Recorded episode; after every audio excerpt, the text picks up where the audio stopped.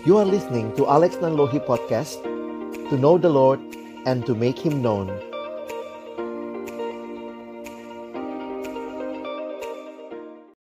Mari sama-sama kita berdoa sebelum kita membaca merenungkan firman Tuhan. Kami datang dalam ucapan syukur pada pagi hari ini ya Tuhan untuk kesempatan kami merayakan Paskah kebangkitan Tuhan. Dan biarlah ketika kami sama-sama akan membuka firman-Mu ya Tuhan, bukalah juga hati kami. Jadikanlah hati kami seperti tanah yang baik, supaya ketika benih firman-Mu ditaburkan itu boleh sungguh-sungguh berakar, bertumbuh, dan juga berbuah nyata di dalam kehidupan kami. Berkati hambamu yang menyampaikan setiap kami yang mendengar, Tuhan tolonglah kami semua, agar kami bukan hanya menjadi pendengar-pendengar firman yang setia, tapi mampukan dengan kuasa pertolongan dari rohmu yang kudus, kami dimampukan menjadi pelaku-pelaku firman-Mu di dalam kehidupan kami. Bersabdalah ya Tuhan, kami anak-anakmu sedia mendengarnya. Dalam satu nama yang kudus, nama yang berkuasa, nama Tuhan kami Yesus Kristus, kami menyerahkan pemberitaan firman-Mu. Amin. Shalom, selamat pagi untuk Bapak Ibu, guru maupun juga orang tua dan juga anak-anakku yang saya kasihi dalam Tuhan Yesus Kristus. Bersyukur untuk kesempatan ini kita sama-sama akan merenungkan kebenaran firman Tuhan dalam rangka Paskah kita hari ini dengan tema Jesus is alive. Lagu-lagu yang kita nyanyikan begitu luar biasa mengingatkan tentang Kristus yang hidup dan karena dia hidup, maka kita memiliki hari esok bersama dan di dalam Tuhan. Merayakan Paskah di tengah pandemi virus corona ini yang awalnya adalah masalah kesehatan, tetapi sekarang telah menjadi berbagai masalah yang terkait dengan semua aspek kehidupan untuk orang tua, bapak ibu guru harus bekerja dari rumah. Untuk anak-anak kami harus belajar secara online. Bahkan juga berdampak dalam kerohanian. Kita pun beribadah hari ini secara online. Tetapi kita bersyukur kepada Tuhan bahwa kasihnya tetap nyata. Dan Tuhan yang sama yang memberi kesempatan bagi kita untuk juga melalui teknologi yang ada tetap bersekutu, tetap beribadah. Bagian firman Tuhan yang akan kita renungkan hari ini diambil dari Injil Yohanes pasal yang ke-20 ayat 24 sampai dengan ayat yang ke-29. Saya sudah menuliskan seluruh bagian ayat ini supaya kita bisa mengikuti melalui screen yang ada di depan kita. Yohanes pasal yang ke-20 ayat 24 sampai 29.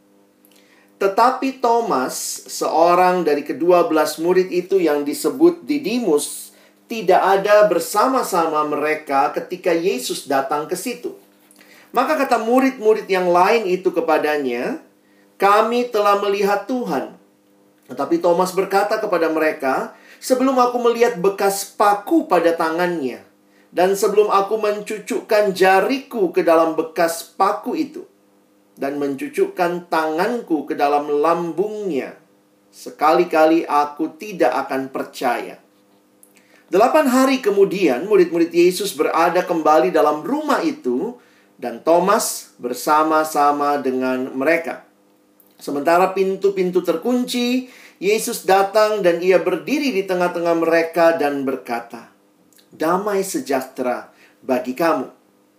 Kemudian ia berkata kepada Thomas, "Taruhlah jarimu di sini dan lihatlah tanganku. Ulurkanlah tanganmu dan cucukkan ke dalam lambungku dan jangan engkau tidak percaya lagi, melainkan percayalah." Thomas menjawab dia, "Ya Tuhanku dan Allahku." Kata Yesus kepadanya, "Karena engkau telah melihat aku, maka engkau percaya." Berbahagialah mereka yang tidak melihat namun percaya. Bapak, ibu, saudara, dan anak-anak yang dikasihi dalam Tuhan Yesus Kristus, berita kebangkitan Kristus menjadi berita yang luar biasa tentunya, tetapi bagi para murid pada waktu itu, ini juga berita yang sulit untuk mereka percaya. Kalau ada koran zaman itu, udah ini beritanya ya. Jesus lives.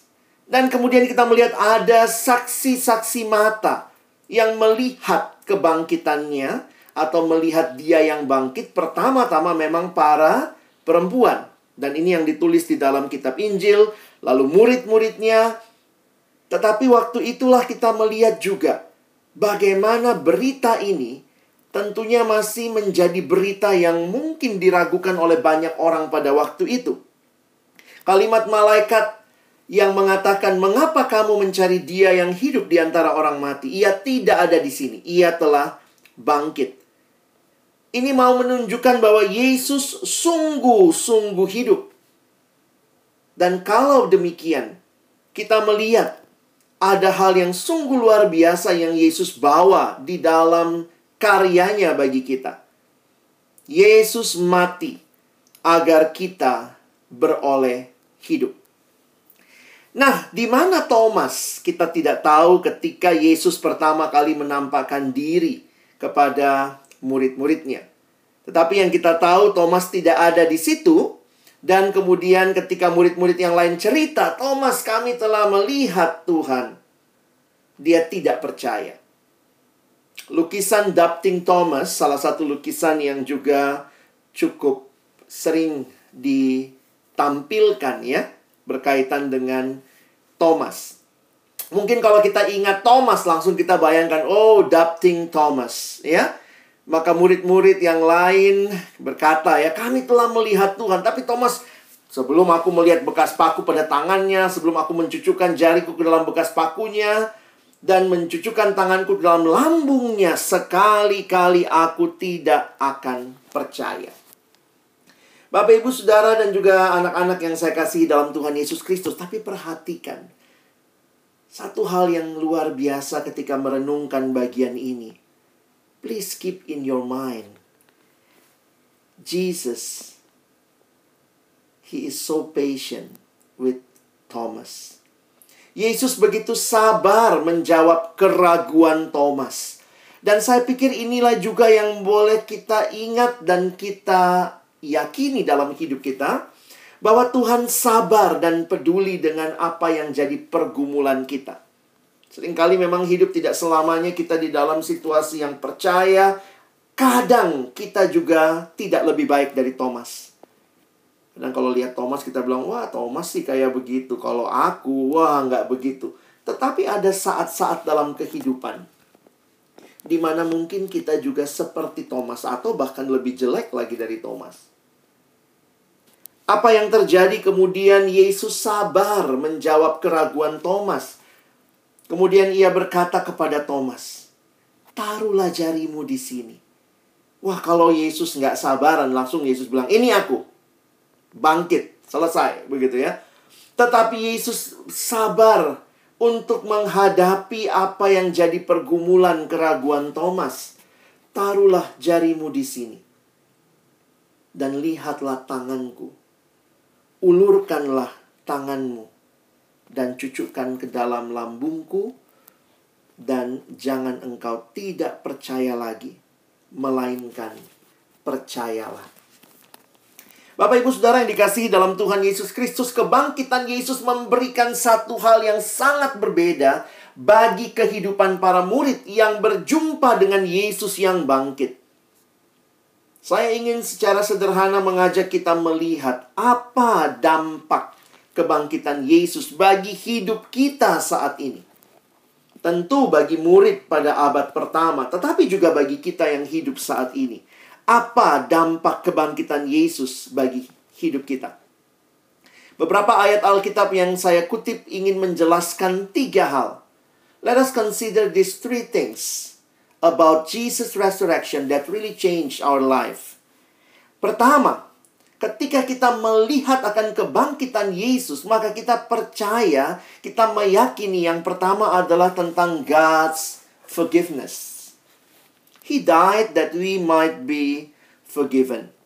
Perhatikan ayat yang menarik di dalam 1 Korintus pasal yang ke-15 ayat yang ke-7. Dan jika Kristus tidak dibangkitkan, maka sia-sialah kepercayaan kamu dan kamu masih hidup di dalam dosamu. Kalau Yesus tidak bangkit, maka saudara dan saya tidak pernah mengalami pengampunan dosa. Tetapi karena dia bangkit, maka karyanya di kayu salib adalah karya yang menang dan ditegaskan di dalam kebangkitan, dan kita tidak lagi hidup di dalam dosa. Wah, ini ayat yang sangat indah. Jika Kristus tidak dibangkitkan, sia-sia kepercayaan kamu dan masih hidup dalam dosa. Tetapi karena Kristus bangkit, maka kita memiliki pengampunan dosa. Kita mengalami God's forgiveness. Forgiveness is here. Dosa begitu mengerikan. Dan dosa menjadi realita hidup manusia dan kemudian kita melihat karya Kristus, kematian dan kebangkitannya memastikan kita dibebaskan dari dosa. Tetapi bukan hanya itu. Kebangkitan Kristus membawa kita melihat yang kedua atau melihat dan mengalami God's power. The power of the cross, the power of Jesus resurrection yang menarik saya kutip kalimat dari Bapak Pendeta John Stott yang berkata dalam sebuah kutipannya, God who raised Jesus from physical death can raise us from spiritual death and make us new people in Christ. Mengapa ini mungkin? Kenapa Yesus yang membangkitkan kita itu bisa memberikan kehidupan yang baru kepada kita? Mari Bapak Ibu Saudara, anak-anak yang dikasihi Tuhan, perhatikan baik-baik. Di dalam Efesus pasal yang pertama, ayat 19 dan 20. Perhatikan kalimat yang disampaikan oleh Paulus. Dan betapa hebat kuasanya, this is God's power, bagi kita yang percaya, sesuai dengan kekuatan God's power. Kuasanya yang dikerjakan di dalam Kristus dengan membangkitkan dia dari antara orang mati dan mendudukkan dia di sebelah kanannya di sorga. Apa maksud ayat ini? Secara sederhana ini mengingatkan kita bahwa kuasa Allah, God's power yang membangkitkan Yesus, kuasa yang sama ada dalam diri kita dan membangkitkan kita. Karena itu Paulus berdoa di Efesus 1 ini. Supaya mereka, yaitu murid-murid, boleh mengalami betapa hebat kuasanya. Bukan hanya kuasa yang membangkitkan Yesus pada masa itu. Tetapi kuasa itu yang kita terima di dalam hati setiap kita yang percaya. The same power is working in us. Jadi, yang menarik ini ya, kebangkitan Yesus melaluinya, dia memberikan kita kuasa atas segala kecenderungan dosa. We can say no to sin. And we can say yes to God. Dan ini terjadi ketika kita mengizinkan dia to take the full control of our lives. When you give him the full control, that power operates in our lives. Luar biasa memang kalau kita ingat Yesus bukan hanya menyelesaikan pergumulan dosa yang lalu, tetapi juga saat ini, teman-teman dan saya, kita semua berjalan di dalam kuasanya. Kuasanya yang mem membawa kita bisa menang melawan berbagai pergumulan dosa. Wah ini memang menarik kalau kita perhatikan ya.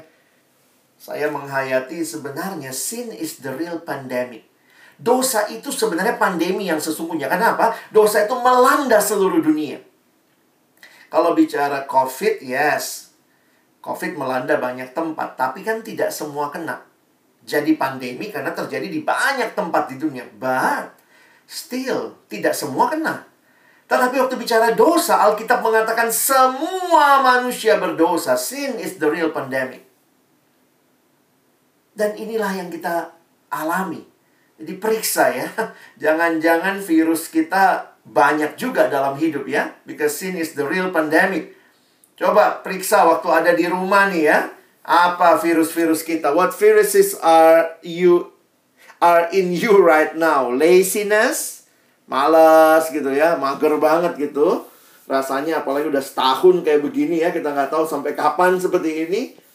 Mulai ada yang seneng marah-marah, anger, cheating when you do your homework or many things else, lying, buka apa itu? Oh enggak pelajaran, taunya buka yang nggak bener gitu ya. Envious karena mungkin itu begitu rupa menjadi orang yang iri hati. Dan banyak juga yang terjebak dengan porn. Pornografi. Dalam situasi yang serba online rasanya dekat sekali. Semua tinggal sejauh klik dan greed ah ini virus-virus apa yang ada dalam diri kita yang sedang kita alami dan ingatlah kebangkitan Kristus memberikan kita kuasa untuk berkata tidak kepada hal-hal ini. Dan berkata ya kepada Allah. Kita bisa berkata I am free. Because Jesus power works in me. Jadi menarik sekali untuk memperhatikan di tengah-tengah pergumulan hidup. Kuasa Allah bekerja bagi kita membawa kita dari kemenangan kepada kemenangan. Dan yang terakhir, God's ultimate triumph. Kalau kita melihat kehidupan manusia, maka hidup manusia tidak berakhir di sini. Tetapi Tuhan berjanji memberikan kita hidup yang kekal. God's ultimate triumph bahwa akhir kisah kehidupan kita adalah kita akan bersama dengan Allah selama-lamanya. Coba perhatikan ayat ini. Rasul Petrus dalam 1 Petrus 1 ayat 3 berkata, dia memuji Allah, terpujilah Allah dan Bapa Tuhan kita Yesus Kristus, yang karena rahmatnya yang besar telah melahirkan kita kembali oleh kebangkitan Yesus Kristus dari antara orang mati. Apa yang dibawa? Kepada suatu hidup yang penuh pengharapan. Kalau kita melihat terjemahan bahasa Inggrisnya dipakai istilah uh, living hope. Beberapa terjemahan menggunakan hal tersebut. Jadi apa yang dimaksud dengan hal ini? Coba Kak Alex kasih contoh begini ya. Siklus hidup manusia selama ini itu sangat-sangat biasa ya. Lahir, hidup, mati. Itu siklus manusia. Lahir, hidup, mati. Tetapi ketika Kristus bangkit dan buat kita yang percaya kepadanya kita pun mengalami kehidupan yang baru karena kebangkitan Yesus, maka kita tidak berakhir di kematian. Ketika engkau dan saya hanya hidup dalam dosa, akhirnya maut, mati, kekal. Tetapi ketika kita percaya pada Kristus, maka kita tidak berakhir. Our story is not end with eternal death. Tetapi apa? Lahir, hidup, mati, bangkit. Yesus bangkit. Dan kebangkitannya memberikan kepada kita kehidupan yang penuh pengharapan. We have a living hope because we have a living Savior. Wah, ini satu hal yang sungguh luar biasa. Kalau kita gabungkan tiga kebenaran ini, perhatikan apa yang menjadi dampak kebangkitan Kristus bagi hidup kita. Kebangkitan Yesus saya tuliskan menjamin hidup orang percaya. Pertama apa? Kalau kita bikin timeline seperti ini, dari ayat-ayat yang kita pelajari pertama, in the past, we experience God's forgiveness. Tapi bukan hanya past, but present. We also experience God's power. And for our future, we experience hope in God. Jadi kebangkitan Yesus menjamin hidup kita secara utuh. Dan kalau demikian, masa lalu kita dibebaskan dari dosa, diampuni, masa sekarang diberikan kuasa menghadapi pergumulan hidup, masa depan kita dipastikan akan menikmati hidup bersama Allah selama-lamanya. That is why we sing, because He lives. I can face tomorrow, and even today and even my past. I can past my I can face my past. Ketika dosa berkata, "Kau masih hidup dalam dosa." No. Saya percaya pada Yesus, kematiannya membebaskan saya. Karena itu sebuah lagu yang juga sering kali dinyanyikan pada waktu Paskah. He lives, he lives, Christ Jesus lives today. He walks with me and talks with me. A long life narrow way. Kalau Tuhan kita itu Tuhan yang mati, dia tidak bisa menyertai kita karena dia masih ada di kubur. Tetapi perhatikan, karena kuburnya kosong, hati kita terisi dan dia menyertai kita. Semua pendiri agama masih ada di kubur mereka. Mereka bukan juru selamat, mereka tidak hidup. Mereka mati. Tetapi karena Yesus bangkit, dia hidup. Dia menyertai perjalanan kita. Thank you buat sharing yang kita dengar di awal tadi. Kenapa engkau bisa berdoa? Kalau Tuhan mati, ngapain berdoa? Kita bisa bercakap-cakap dengan dia, kita bisa say, Tuhan pimpin aku. Tuhan saya sedang mau menjalani kehidupan ini. Dan Allah yang hidup itu bukan Allah yang mati, dia Allah yang mendengar, dia Allah yang mengerti, memahami pergumulan kita because he lives. Waktu engkau punya pergumulan, anytime you can come to Jesus. You don't need to wake him up, he's not sleeping. Or you don't no, no need to wait until he uh, awake gitu ya atau resurrected. Tapi dia hidup dan itu terjadi karena itu. Engkau dan saya punya harapan untuk hidup. Mari kita nikmati kebenaran ini. Jesus is alive. Dan apa yang harusnya jadi respon kita? Kadang-kadang kita kalau ingat cerita Doubting Thomas, kadang-kadang itulah ya. Orang kadang-kadang suka lupa, harusnya kita perhatikan the whole life, not only one part of his life. Because at the end of this um, chapter in the Bible, kita bukan hanya bertemu dengan Doubting Thomas, but please keep in your mind, he is believing Thomas ketika dia lihat semua itu. Kesabaran Yesus menuntun Thomas. Maka Thomas menjawab dia, "Ya Tuhanku dan Allahku." Jangan cuma ingat he is doubting Thomas ya. If you know the end of the story, he is a believing Thomas. Dan dia percaya dia bisa meyakini bahwa inilah Tuhan Allahku, dia hidup, dia menyertaiku, dan dia berjalan bersama aku. Sejarah gereja mencatat this doubting Thomas, quote unquote, justru dipakai Tuhan. Dia jadi rasul yang memberitakan Injil sampai mati martir di India. He is not doubting Thomas anymore. He is believing Thomas that surrender his whole life to Jesus, his Lord and God. My Lord, my God. Teman-teman jangan berhenti dengan keraguan. That is not the end of our story. Tapi ingatlah untuk percaya pada Yesus yang bangkit itu.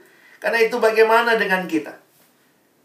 Dan ini yang indah Yesus katakan buat kita semua. Kata Yesus kepada Thomas tentunya ya.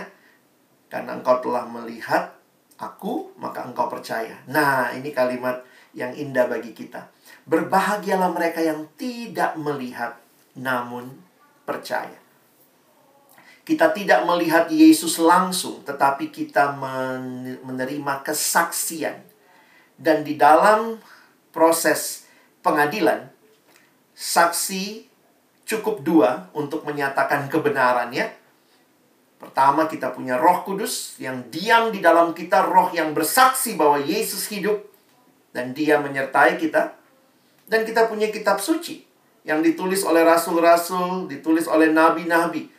Ini menjadi kesaksian. We have, ya paling tidak ada tiga ya. Roh Kudus, perjanjian lama, perjanjian baru. Kita tidak lihat tapi kita percaya karena kita menerima kesaksian Allah. Karena itu kalau engkau percaya dia hidup. Jalanlah bersama dengan Dia. Serahkan hidupmu kepada Dia. Taruh masa depanmu kepada dia. Tuhan bukan embel-embel kehidupan. He's not just an accessory that you need sometimes. Ya, kalau butuh ya ambil begitu ya. No. But he is your Lord and God. Memang yang sulit dalam hidup ini adalah percaya ya. Sebenarnya unik ya. Orang Kristen sering kali disebut orang percaya. But the most difficult things for us to do is percaya itu ya. Uh, kita disebut believer, tapi kadang-kadang sulit untuk percaya. Tapi karena dia hidup, maka ingatlah. Ya, saya tuliskan seperti ini. Salah satu kesulitan besar bagi kita sebagai orang percaya adalah untuk sungguh-sungguh percaya. Percaya bahwa Allah yang hidup itu, dia Allah yang tahu dan sanggup memberikan yang terbaik yang kita butuhkan.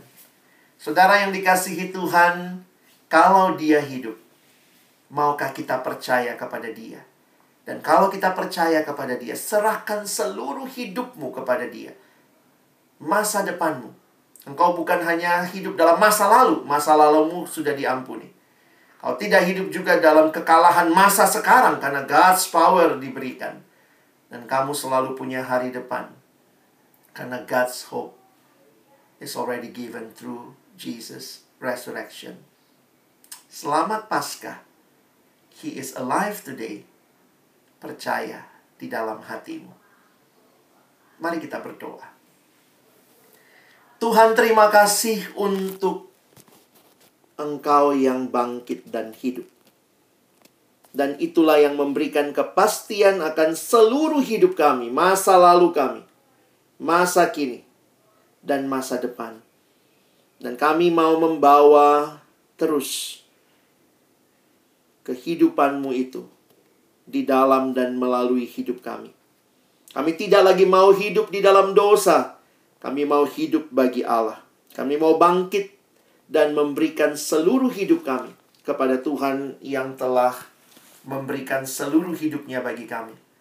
Kami mau menjalani hari-hari kami ke depan Bukan berjalan sendiri, tetapi berjalan bersama Tuhan yang hidup, yang menyertai kami. Kami bisa berdoa kepadamu, karena Engkau hidup, Engkau mendengar kami. Kami bisa berseru kepadamu, Tuhan. Kami bisa menyampaikan keluh kesah kami kepadamu. Kami juga bisa bersyukur kepadamu. Kami bisa memohon kepadamu, Tuhan. Dan itulah keindahan kehidupan kami orang-orang percaya. Karena kami percaya bukan kepada Allah yang mati, tetapi kepada Allah Tuhan yang hidup dan yang bangkit dan menang. Terima kasih. Tolong kami bukan hanya merayakan Paskah, tetapi mengalami Paskah dan menjalani hidup berkemenangan bersama dengan Tuhan. Kami bersyukur dalam nama Yesus kami berdoa. Amin.